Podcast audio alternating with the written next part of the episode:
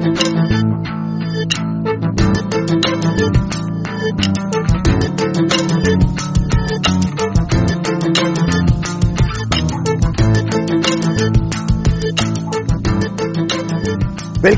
I dag skal vi tale om en af de mest legendariske sportsvogne, der nogensinde er lavet, nemlig Porsche 911. Og til at hjælpe mig har jeg redaktionschef på Bilmagasinet, Anders Richter, og salgskonsulent her ved My Garage, hvor vi befinder os, Daniel Svedsborg. Jeg hedder Mikkel Thomsager, og jeg er også chefredaktør på Bilmagasinet.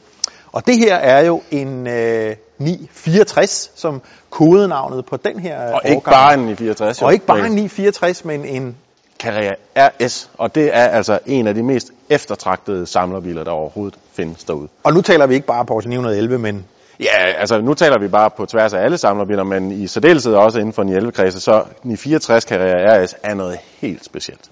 964 modellen, altså det er jo 911, 964 er en betegnelse for Altså man siger jo, her. altså, øh, 911 er jo grundbetegnelsen for alle 911, og det er jo de her hækmotoriserede af den her type. Ikke?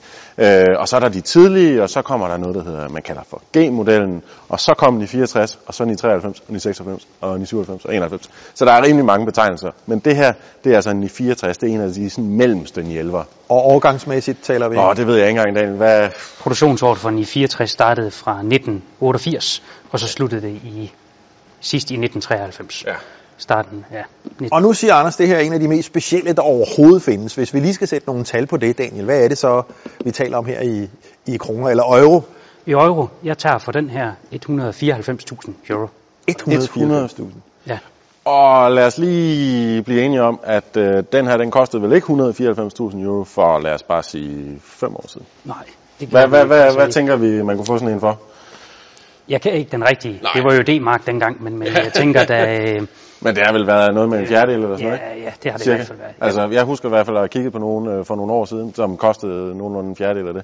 Og det betyder jo også, at det her det er faktisk en af de mest øh, interessante hjælper, sådan set med investeringsøjne. Det er en af dem, der er steget allermest. Og, og hvis vi lige sammenligner det med en almindelig øh, model af samme årgang her, hvad vil den så koste? En almindelig øh, i samme årgang her vil ligge på omkring, i, i et godt eksemplar, mellem 40 og 60.000 euro. Så hvad er det? Det er en femtedel, cirka. Ja. Ja. Og hvad er det så lige, der gør den her speciel?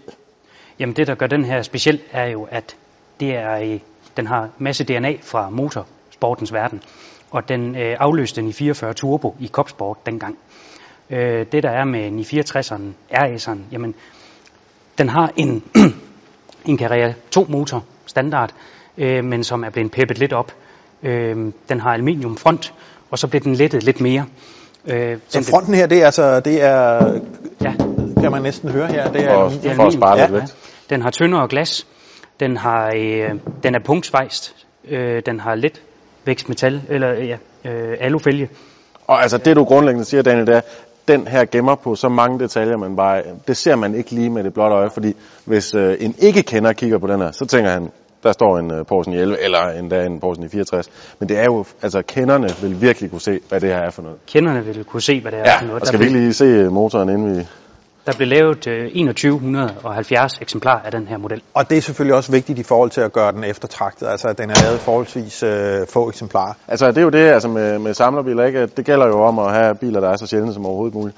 Og det, der er lidt sjovt med den her motor, det er, for jeg har jo også lige læst lidt op på det, det er jo sådan set bare i gåsøjne en Carrera 2 motor.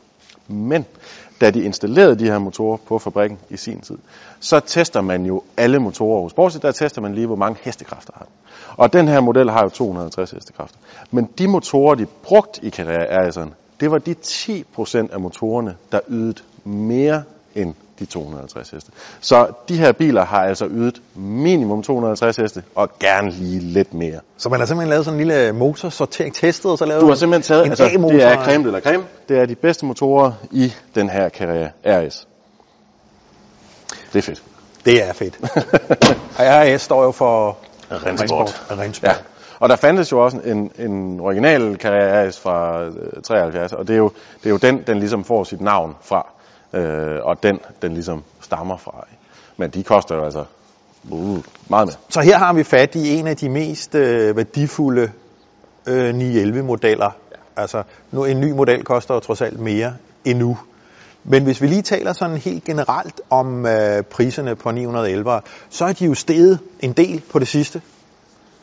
Hvad er det, der ligesom har, hvad er det for nogle modeller, der er gået op? Jamen, de modeller, som vi ser øh, er, er steget rigtig meget, er modellen i 64 øh, og modellen i 93. Altså de her modern classic cars. Altså Efterfølgeren til den her. efterfølgeren til den der, den Ja. sidste luftkølet udgave af 911'eren, inden den blev vandkølet. Øh, og det er dem, vi har set altså have en stigning.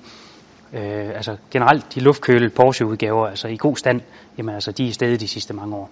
Så hvis vi skal prøve at anbefale et eller andet, Daniel, altså hvad, hvad skal man gå efter nu, hvis man gerne vil prøve, altså altså, man kan jo ikke garantere noget altså med bilinvesteringer, der er jo ikke nogen garantier, men altså hvis man gerne vil lave en nogenlunde klog investering, øh, hvad skulle det så være? Altså, Jamen altså, det det kommer jo an på, hvad man er, øh, er til. øh, Og Ja, hvad man, også prismæssigt, tænker Og jeg. prismæssigt sikkert ja. også, men også, øh, man skal også følge sit Porsche-hjerte, Ja. selvfølgelig. Men altså, en, en, en god investering er jo altid en øh, 964 Ja. ja. eller en øh, 993'er. okay, så grundlæggende, det er gode investeringer. Ja, det Hvad så, hvis vi skulle finde en eller anden uh, interessant variant inden for 964, fordi der findes jo vildt mange forskellige. Der er jo åbne, der er lukkede, der er kreatorer, der er kreator 4 med firehjulstræk, og der er manuel gear og Tiptronic. Ja. Hvis du lige skulle sammensætte sådan den optimale kombination i dine øjne. Jamen, Carrera 2, Carrera 4 i en, med en manuel øh, Ja. gearbox Lukket, lukket. lukket. Altså ikke cabriolet som lukket- udgangspunkt. Altså cabriolet er også øh, godt, øh, øh, men, men en, en lukket udgave, altså Ja. en, det man kalder, hvor den har den rigtige form, Ja. altså en Porsche. Så man skal jagte. Nu har du så lige afsløret, hvad der er noget af det mest eftertragtede, og dermed også det dyreste. Så kan jeg jo så næsten regne ud af den model, der kommer efter øh, 993-modellen. Den er så mere tilnærmelig, eller hvad? Den er mere tilnærmelig, men vi ser også, at øh, den øh, vinder i pris nu og begynder at stige. 96'erne de havde et fald, øh, men er ligesom ramt en bund nu, hvor at hvis du skal op og have en god bil med, med en god historie og servicebog, jamen så koster så noget øh, fra omkring 25.000 euro. Og det er jo den, som, det er den, jeg plejer at kalde Spejlex-modellen efter formen på øh, forlygterne, som jo generelt ikke har været den mest øh, hvad skal man sige, øh, roste model. Det er den første med vandkølet motor, og den havde de her lidt øh, spøjse Altså det er jo, øh, det har jo forlygter. i, i Den mange havde år været anden- den mindst eftertragtede. Ja, og en, en, en af detaljerne er jo også, at den er jo øh, fra, fra dørene og frem efter er fuldstændig identisk med en Boxster, øh, som måske trækker den, im, dens image lidt ned. Øh, men den tror du på, den kommer til at stige? Den tror jeg helt klart på også. Øh, også fordi, at den har nogle rigtig gode køreegenskaber, og den fik en masse ny teknologi. Øh, Ja, for det er jo ikke nogen dårlig bil. Altså, det, selvom man kan grine af spejlægslygter og vandkøling og alt muligt, det er jo grundlæggende set en rigtig, rigtig god bil, og en videreudvikling af 911'ernes grundfilosofi. Så jeg vil også sige, altså jeg kan slet ikke forstå, hvorfor der ikke er flere, der ligesom har købt uh, 996. Så nu taler vi her om en, en, en særdeles eftertragtet 964 RS-model, den hvide her, som ja. I øvrigt er helt fantastisk. Men der er vi oppe i, altså, der er vi oppe i noget, der ligner Superligaen, ikke? Det er vi, Ja. og, men, men Daniel står også her og siger, at en selv øh, den mindst eftertragtede i, i, i den senere tid, den er også ved at stige. Altså det her 911, det, det er bare steget voldsomt de senere år. det er bare hotte biler generelt. Det, det er svært at sige, hvad der lige øh, gør den, men jeg tror, at man, det er lige at, at finde den næste, der eventuelt vil begynde at blive en, en klassiker. Ja. Og, og i Porsches verden, der er den i 96'eren ved at blive en klassiker også. Og så bliver jeg jo nødt til at spørge, altså, kan det blive ved, eller kommer der på et tidspunkt, hvor det Jeg ved ikke, om Knækker, du eller vil komme måske med ligefrem går din mening først, Daniel. Min egen personlige mening, så tror jeg, at det her, det uh, ser vi, at det vil blive ved. Altså, jeg tror, jeg, jeg er måske mere tilbøjelig, jeg er i hvert fald ikke tilbøjelig til at sige, at det ligesom, at kurven knækker fuldstændig. Men jeg vil sige, der har allerede været nu sådan et par eksempler på, at kurven ligesom begynder at flade ud med nogle modeller. Så de der umiddelbare kæmpe store stigninger, dem kommer vi nok ikke til at se lige så høj grad i fremtiden. Øh, også fordi, at jeg synes, 911'erne, det, altså det eneste problem, jeg synes, mange af de nyere 911 har i øjeblikket, det er, de får ikke tid nok til at falde i værdi. For, altså for at noget ligesom skal kunne stige, så skal det være faldet. bølgerne er for Og der, er jo ikke, der, der går for kort tid nu mellem en 911 er ny, og at den begynder nærmest at blive til et samleobjekt. De, de er nærmest for nye, ikke? Så jeg synes, at, at det vil i hvert fald være sundt for markedet, hvis det lige fladede lidt ud og fik lov at tage en lille pause i hvert fald. Altså nu, skrækscenariet for samlere, det var jo 1990. I 1990 ja. skete der jo simpelthen det, at hele klassikermarkedet knækkede i løbet af en ja, måned. superbilsmarkedet også faktisk. Superbilsmarkedet Ja. knækkede af en måned, og, og nu er jeg ikke sådan inde i de finansielle og økonomiske Nej, nej, tilstande nej, på det nej. tidspunkt. Men din vurdering er, at det er slet ikke det, der foregår i øjeblikket.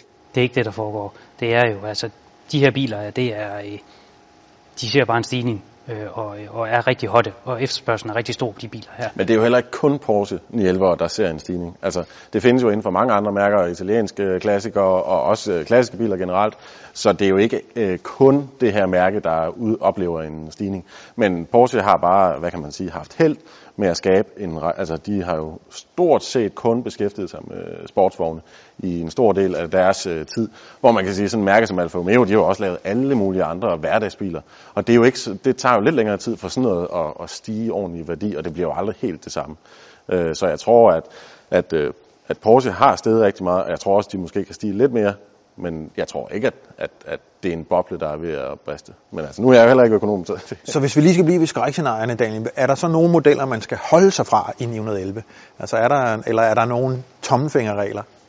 Nej, altså det, det, det vil jeg jo ikke sige. Nu står du og siger det til en Porsche-sælger, men jeg er bare... Øh, nej, altså Men jeg, for eksempel sådan noget som med standen, altså ja. købe en, en, en det er standen, der går rigtig meget op i. Altså, Ja. ja. det, er, det er alfa og omega, når du køber en klassisk bil som det her, hvor du har... Øh, hvor, hvor du har ideen om, at den skal stige i værdi, så er det helt klart standen, som du skal kigge efter. Men jeg tror også, hvis du finder en bil, der har historien, der har servicehistorikken, der ikke har været skadet, så er du allerede så er du halvvejs.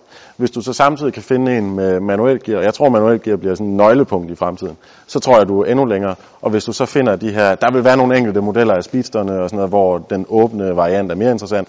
Men jeg tror grundlæggende set, som Daniel også sagde, tag en coupé, manuel gear, så kan det ikke gå helt galt. Så kan det ikke gå helt galt.